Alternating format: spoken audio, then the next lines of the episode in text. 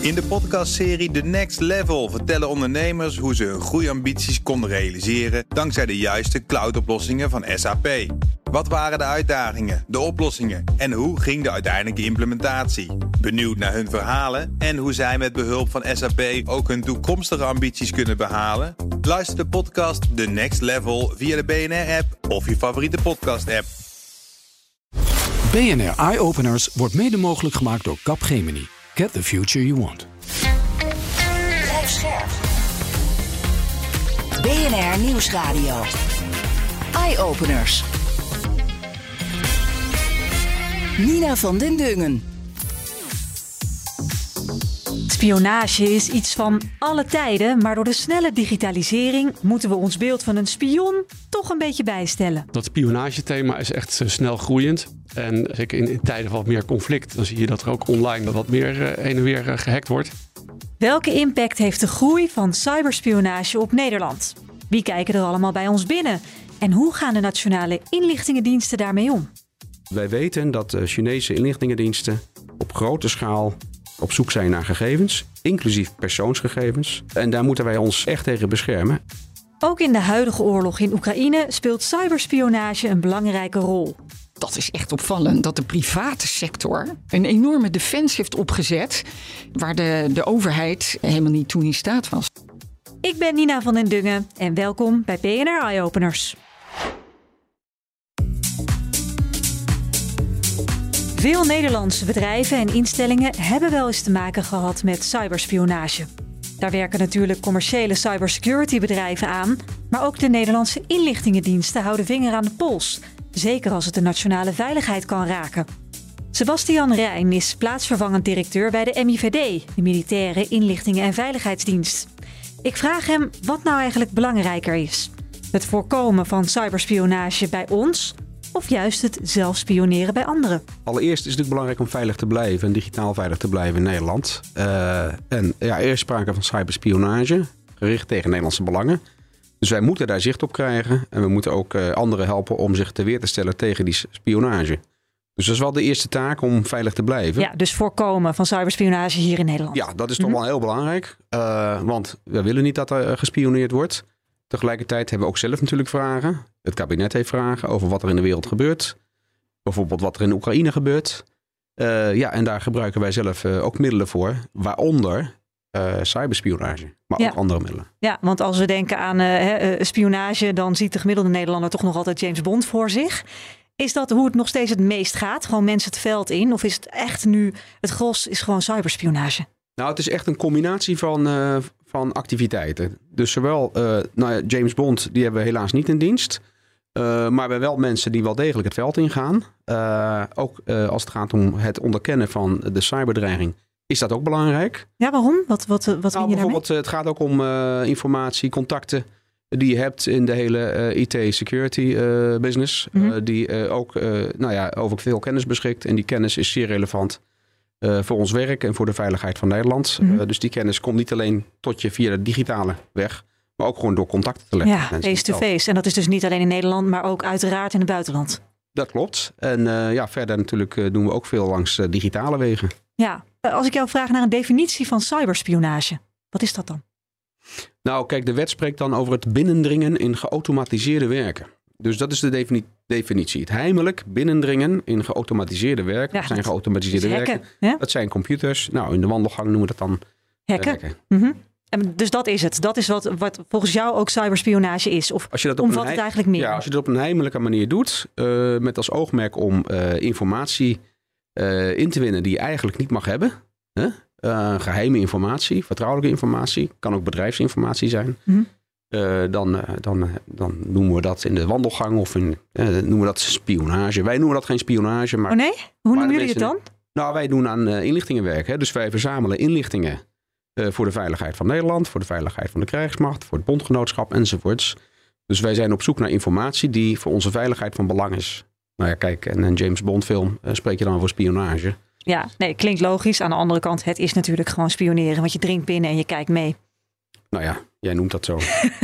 Nou is het natuurlijk al iets wat heel lang gebeurt. Hè? Al decennia dat er inlichtingen worden verkregen. Dus de eh, telefoonlijnen afluisteren. Nu natuurlijk nu ook alles hè, via computers. Omdat het al zo lang gebeurt en we zitten nu in een moeilijke tijd, hè, oorlog Ja. in Oekraïne. We kijken natuurlijk ook met argusogen naar China. Ja. Is het nu harder nodig dan ooit? Ja, het is wel heel erg hard nodig. Kijk, het is eh, eh, eeuwenlang. Hè? Dus al eeuwen verzamelen staten, samenlevingsstaten verzamelen inlichtingen over andere staten. Hm. Omdat van die andere staten een bedreiging kan uitgaan. Ik denk dat het tegenwoordig inderdaad van cruciaal belang is dat we zicht hebben op eh, de dreiging richting Nederland. Het is in de wereld niet veiliger geworden.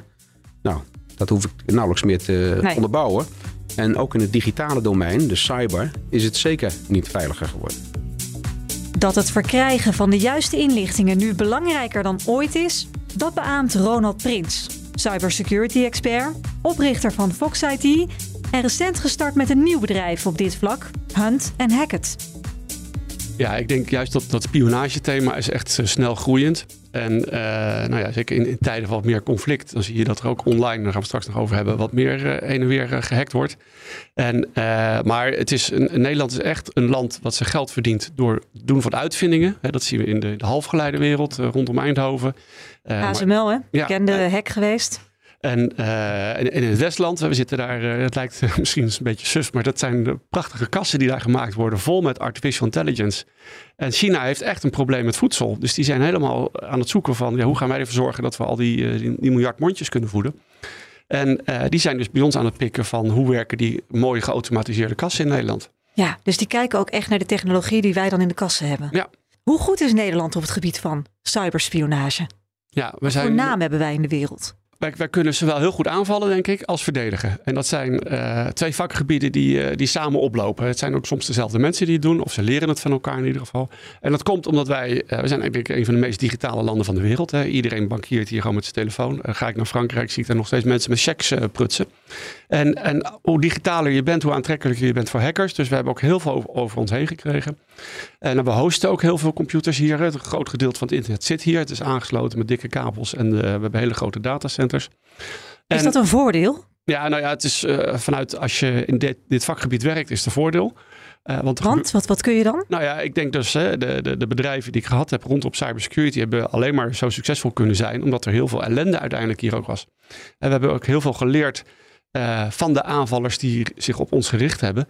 En daarom hebben we kunnen zien van, oh ja, zo werken al die trucjes. Dus dan weten we ook van, nou, zo moeten we het stoppen. Maar die kunnen we zelf ook weer inzetten om ergens anders eh, informatie weg te halen. Maar is dat dan ook bijvoorbeeld omdat de servers dus eh, fysiek in Nederland staan, dat wij er heel snel mensen op af kunnen sturen die daar binnen kunnen dringen en allerlei geheime informatie kunnen buitmaken? Of werkt het niet zo? Nou ja, ik denk dat als je het internationaal naar kijkt, dat wij ook wel een veel gevraagde partner zijn in onderzoeken. En dat is zowel op het politiedomein als in het inlichtingendomein.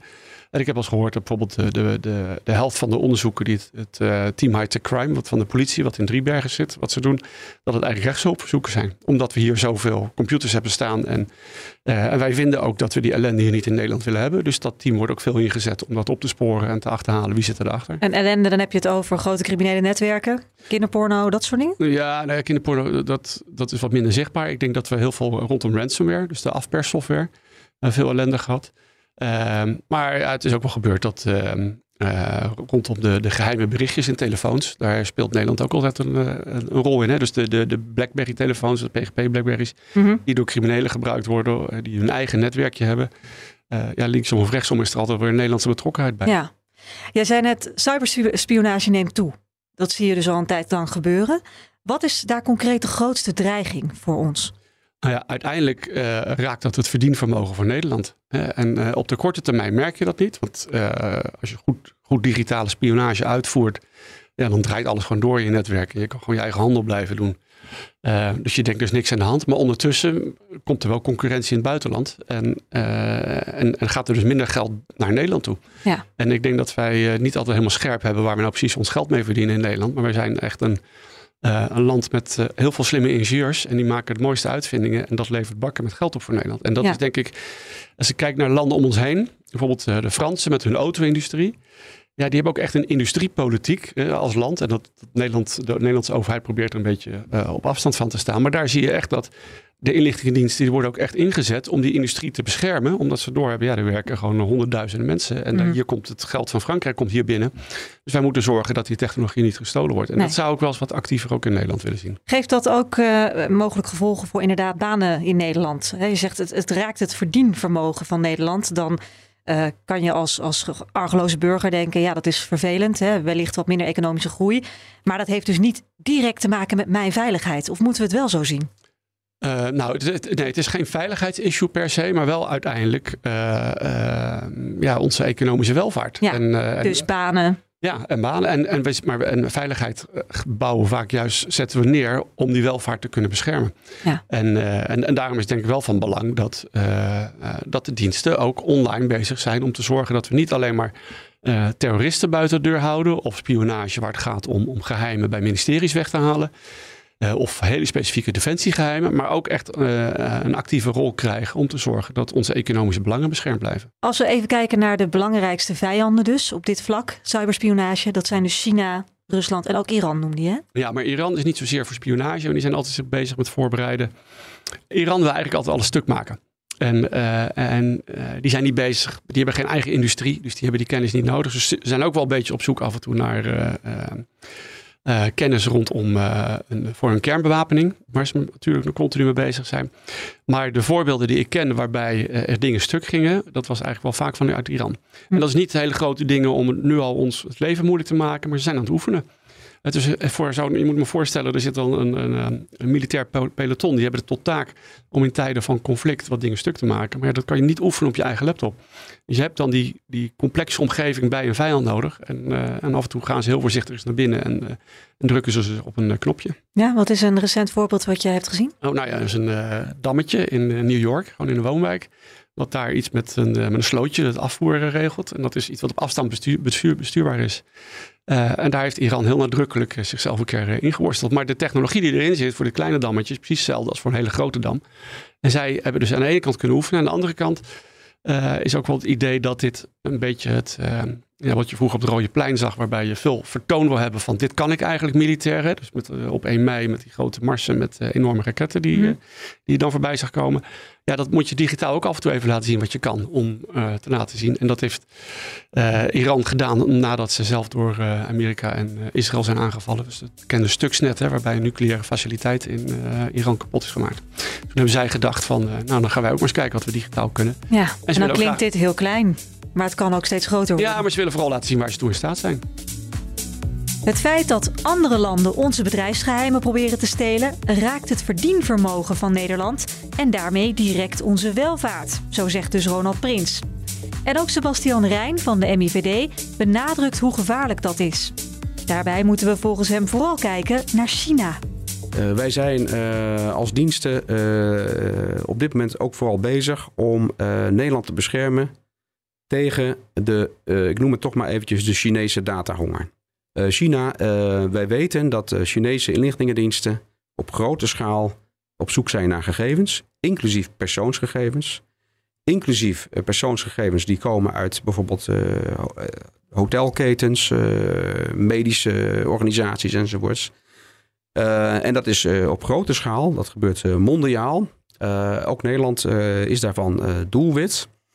Eh, en daar moeten wij ons eh, echt tegen beschermen. Dat is overigens ook in het belang van de privacy van Nederlandse burgers. Maar wat wil China met al die data? Wat willen ze Dat- met mijn Dat persoonsgegevens? is een hele goede vraag. Eh, als wij die vraag zouden stellen, krijg je natuurlijk nooit een heel duidelijk antwoord.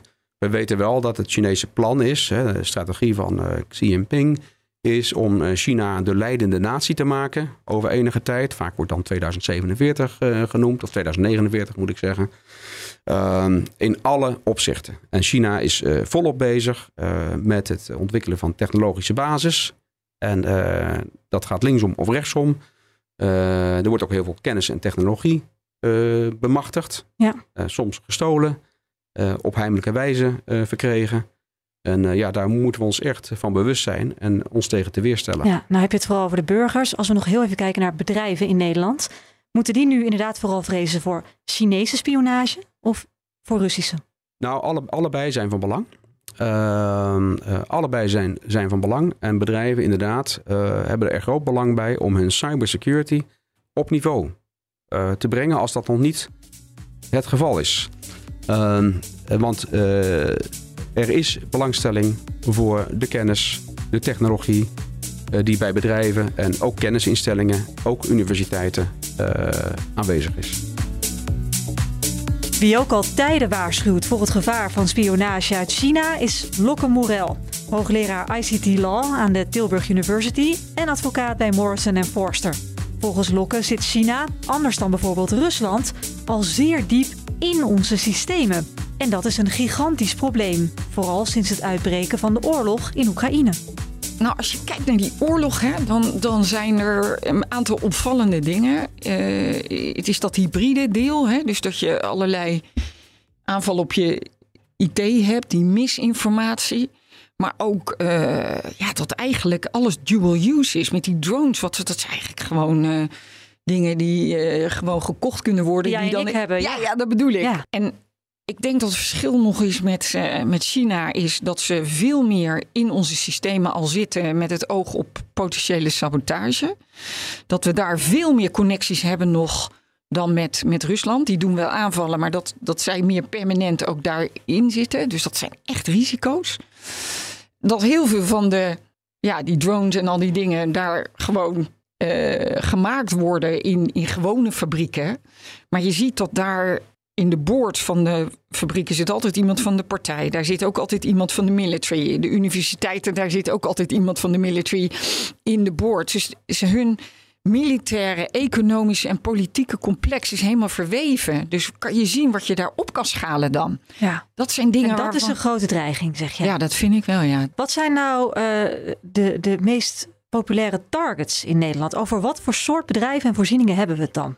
Nou, dat hangt er helemaal van af uh, wat de, de, de, de, de actor is. Hè? Degene die, de, de, de crimineel, om het zo maar te zeggen, zijn die uit op uh, het snelle geld. Dan zie je dat uh, ransomware, hè, gijzelsoftware, echt bij far.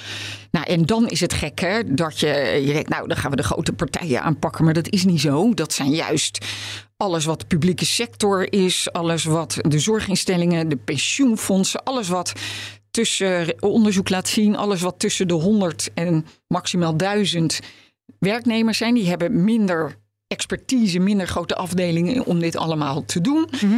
In sectoren die met publiek geld zijn gefinancierd, waardoor er niet zoveel geld is om dat goed allemaal. Eh, en, en hoe leuk is het als het uh, publieke impact heeft? Dus dat het gewoon het openbare leven wordt verstoord. Hè? Nou, die zijn het nummer slachtoffer nummer één van gijzelsoftware. Nou ben je ook lid van de Raad voor de Cybersecurity. Die adviseert het kabinet. Waar moet ik aan denken? Wat, wat, wat wil het kabinet van jullie? Nou, meer de. Dit is echt strategisch advies voor de toekomst. Dus uh, niet op incidenten die nu plaatsvinden. Maar we hebben bijvoorbeeld op verzoek van de minister zelf uh, uitgerekend. Wat er dan, uh, als je Nederland cyberveilig wil maken. hoeveel geld daarvoor nodig is en wat er dan moet gebeuren. Nou, dat hebben we gedaan. Het is een heel rapport geworden. Dat was iets van 800 zoveel miljoen. en dan hadden we, dachten wij, een, een leuke Opel en niet een Rolls Royce. Maar nou ja, dat soort adviezen. Dus we hebben nu ook op basis daarvan is de Nederlandse cybersecurity strategie opgesteld. Die is net definitief geworden. En daar zit nu bijvoorbeeld de raad weer naar te kijken. Om te kijken, oké, okay, wat vinden we daar dan van? Hebben ze dat goed genoeg gedaan? Of vinden we dat ze nog iets anders, iets extra's, iets sneller uh, nog moeten doen? Ja, wat zijn bijvoorbeeld de belangrijkste adviezen die zo'n kabinet dan hè, met die 800 miljoen euro direct moet implementeren? Nou, je hebt het Nederlands Cybersecurity Centrum. Dat is echt ons uh, nationale uh, crisiscentrum, om dat zo maar te zeggen. Nou, dat was alleen voor de uh, vitale bedrijven. Hè? De, en ja, met een nieuwe wet uit Europa, dat noemen ze NIS 2, worden nu hele extra sectoren ook uh, kritisch aangemeld. Dus uh, aangemerkt, dus bijvoorbeeld uh, de publieke sector, maar ook de Als zorg. In de publieke nieuwsvoorziening, ja. maar en, en ziekenhuizen, precies, onderwijs. Dat precies. Maar goed, dat betekent dat die taken heel erg uitgebreid worden. En daar moeten ze natuurlijk ook op uitgerust zijn. Dus die krijgen echt stevig geld erbij. En er was op een gegeven moment was het, het systeem, je had het, het, het, het NCSC, het, het, het, nationale meldpunt. En dan had je DTC, wat meer voor alle andere bedrijven was die niet kritisch waren. En die worden nu samengevoegd. En dat denk ik dat dat veel efficiënter is. En dat je echt kijkt van oké, dit is het, de cockpit waar alles binnenkomt. En dan bekijkt waar het naartoe toe moet. Afhankelijk van uh, de ontvanger moet er dan een advies bij hoe je het doet, begrijp je? Sommige bedrijven zijn zo uh, ja, sophisticated dat die met de dreigingsinformatie de, gewoon de keiharde dingen gelijk aan de slag kunnen. Hè, dat je verschillende kanalen maakt afhankelijk van de doelgroepen. In plaats van vooraf al alles te gaan spreiden met allerlei. Nou, dat, dat, dat gaan ze doen. En, en dat wordt echt. Uh, ik denk dat dat echt een stuk beter wordt. Eén landelijke cockpit waar alle gevaren op het gebied van cyberspionage binnenkomen, dat zou al flink helpen, zegt Lokke Morel. De vraag is natuurlijk hoe we vervolgens zorgen dat onze bedrijfs- en privégegevens veilig kunnen blijven voor landen als China en Rusland. Cybersecurity-expert Ronald Prins. Nou, je, je, kan het op twee niveaus doen. Hè. Met, met mijn bedrijven zijn we altijd bezig eigenlijk bij het bedrijf zelf om een infrastructuur op te bouwen, om mee te kijken wat gebeurt hier nou in die netwerken en zien we rare dingen waardoor wij denken, nou hier zou wel eens wat aan de hand kunnen zijn. Je monitort het. We monitoren die netwerken. Mm -hmm. Dat uh, uiteindelijk blijkt toch dat het monitoren meer nut heeft dan nog meer firewalls neerzetten. Want als je nooit kijkt, die firewalls daar komen zo een keer doorheen.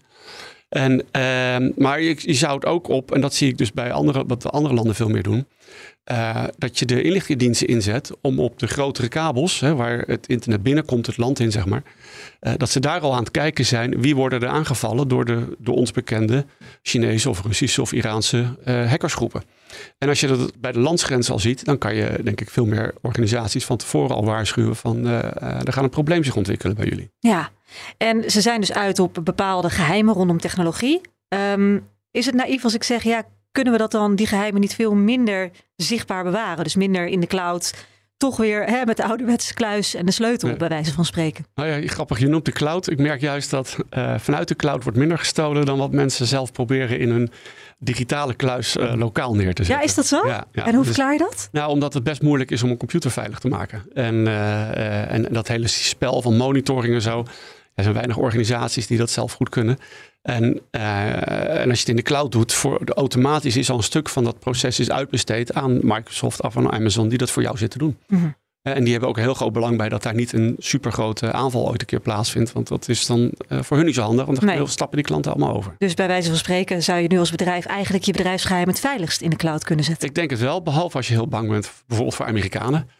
Dat is natuurlijk. Want dat zijn alle Amerikaanse bedrijven die jouw gegevens veilig uh, moeten houden. Ja, en, en, in de praktijk, Amerika doet zelf niet aan economische spionage. En als ze aan data willen komen, maakt het Amerikanen eigenlijk niet heel veel uit in welke cloud het nou precies rondhangt. Dan komen ze er al binnen. Je zegt, ze doen niet aan economische spionage, de Amerikanen? Nee. Ja, nette landen doen dat niet. Er zijn maar een paar landen die op die manier bezig zijn. Ja, wij, wij doen dat ook niet. Wij maken ons daar zero schuldig aan. Ja, wij doen het zeker niet. Nee, je krijgt uh, onze diensten niet in beweging om bedrijven te gaan helpen.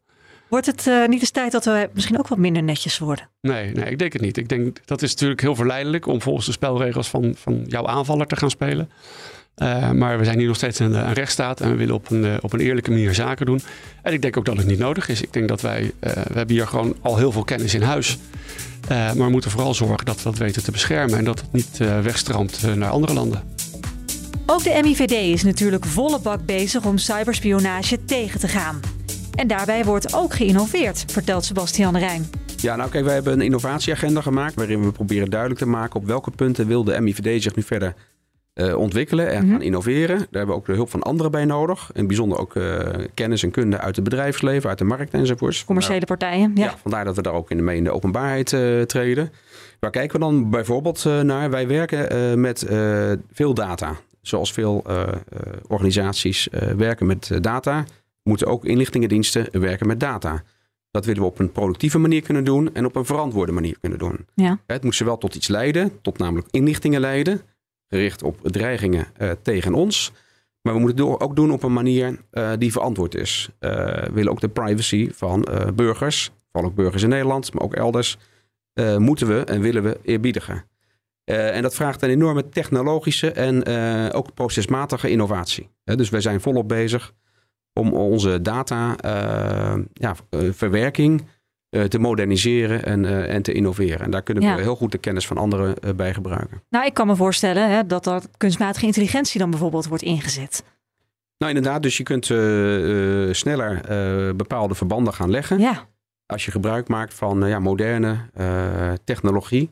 Informatietechnologie in dit geval, op, op, dat, op dat vlak. En dan hebben we het onder meer over artificial intelligence. Ja, dus jullie zijn op zoek echt naar een flinke efficiëntieslag in het doorploegen van die duizenden, Ja. tienduizenden, honderdduizenden Ja. pagina's aan data die jullie eh, continu krijgen. En dan En heb je dat- dus ook over logaritme. Hè? Ja. Hoe ontwikkel je die logaritme?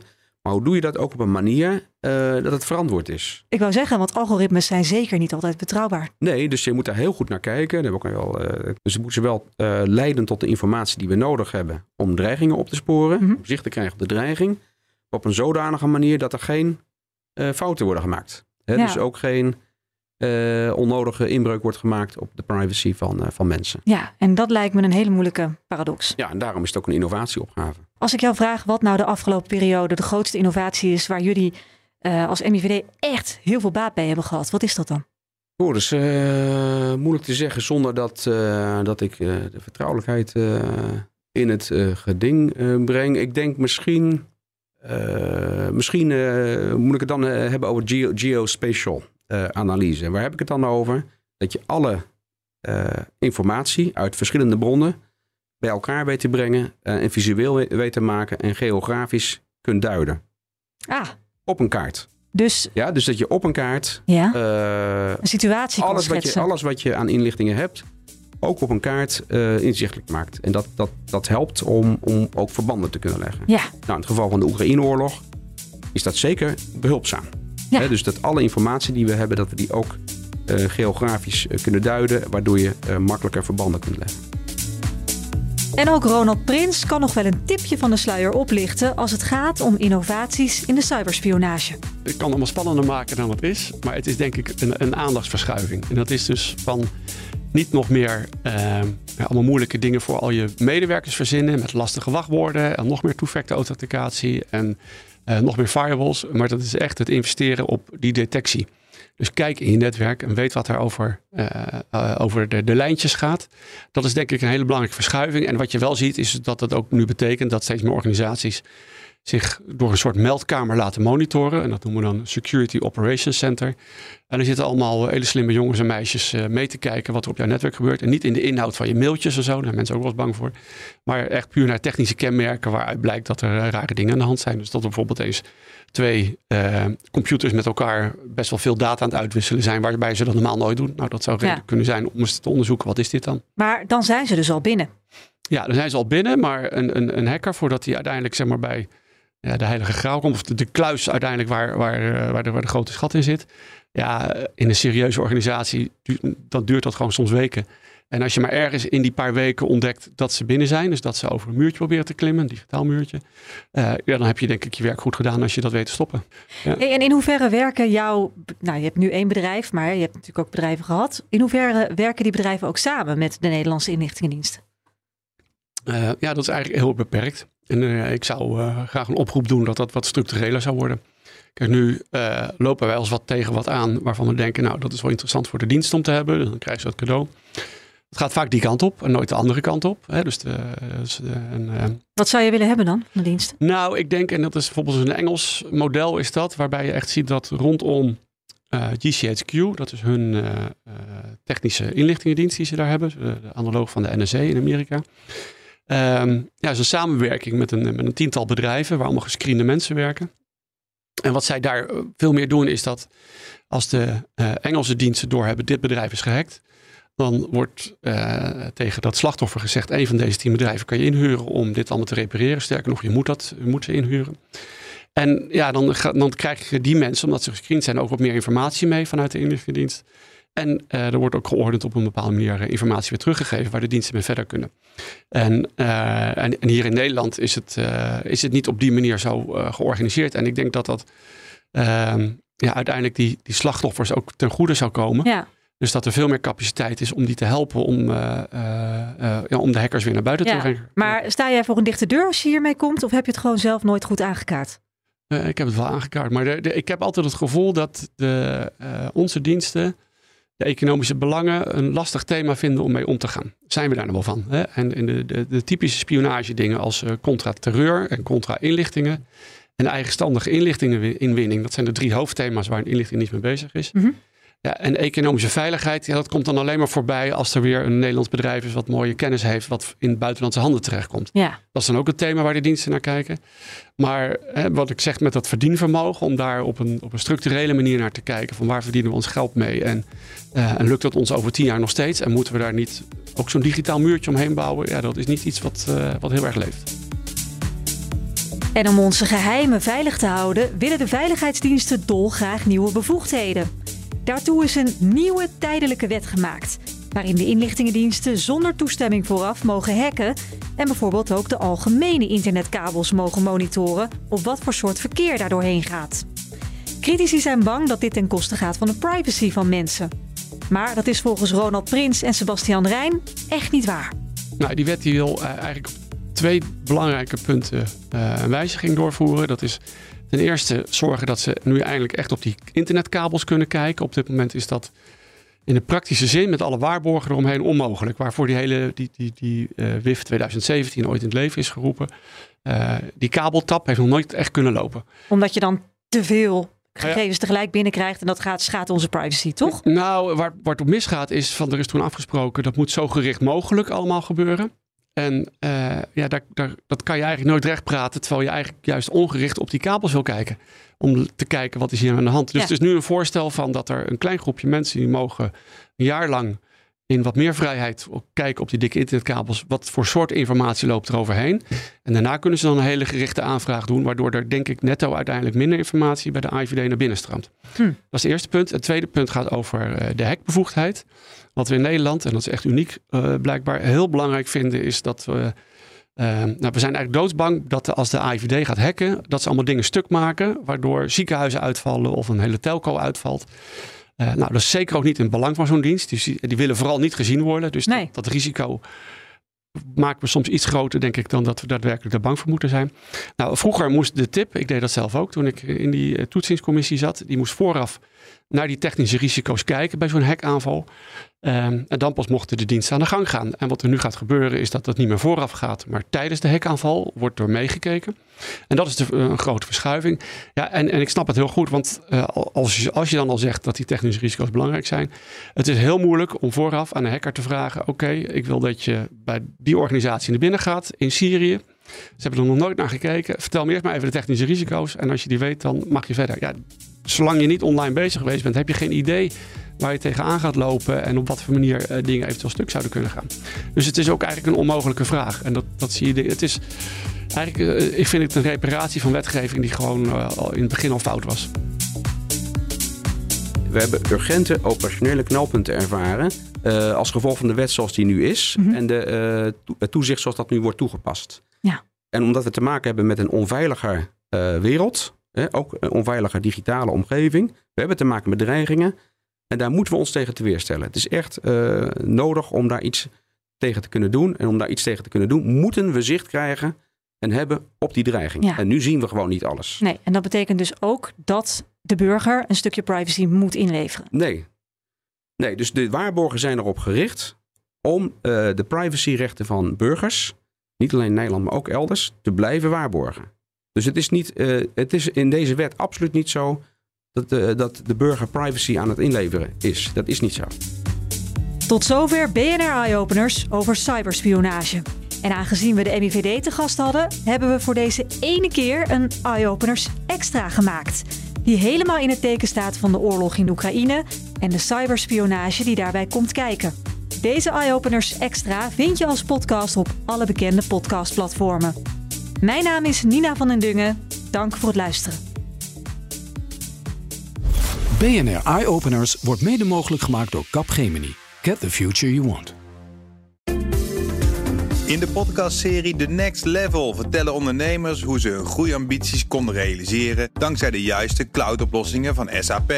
Wat waren de uitdagingen, de oplossingen en hoe ging de uiteindelijke implementatie? Benieuwd naar hun verhalen en hoe zij met behulp van SAP ook hun toekomstige ambities kunnen behalen? Luister de podcast The Next Level via de BNR-app of je favoriete podcast-app.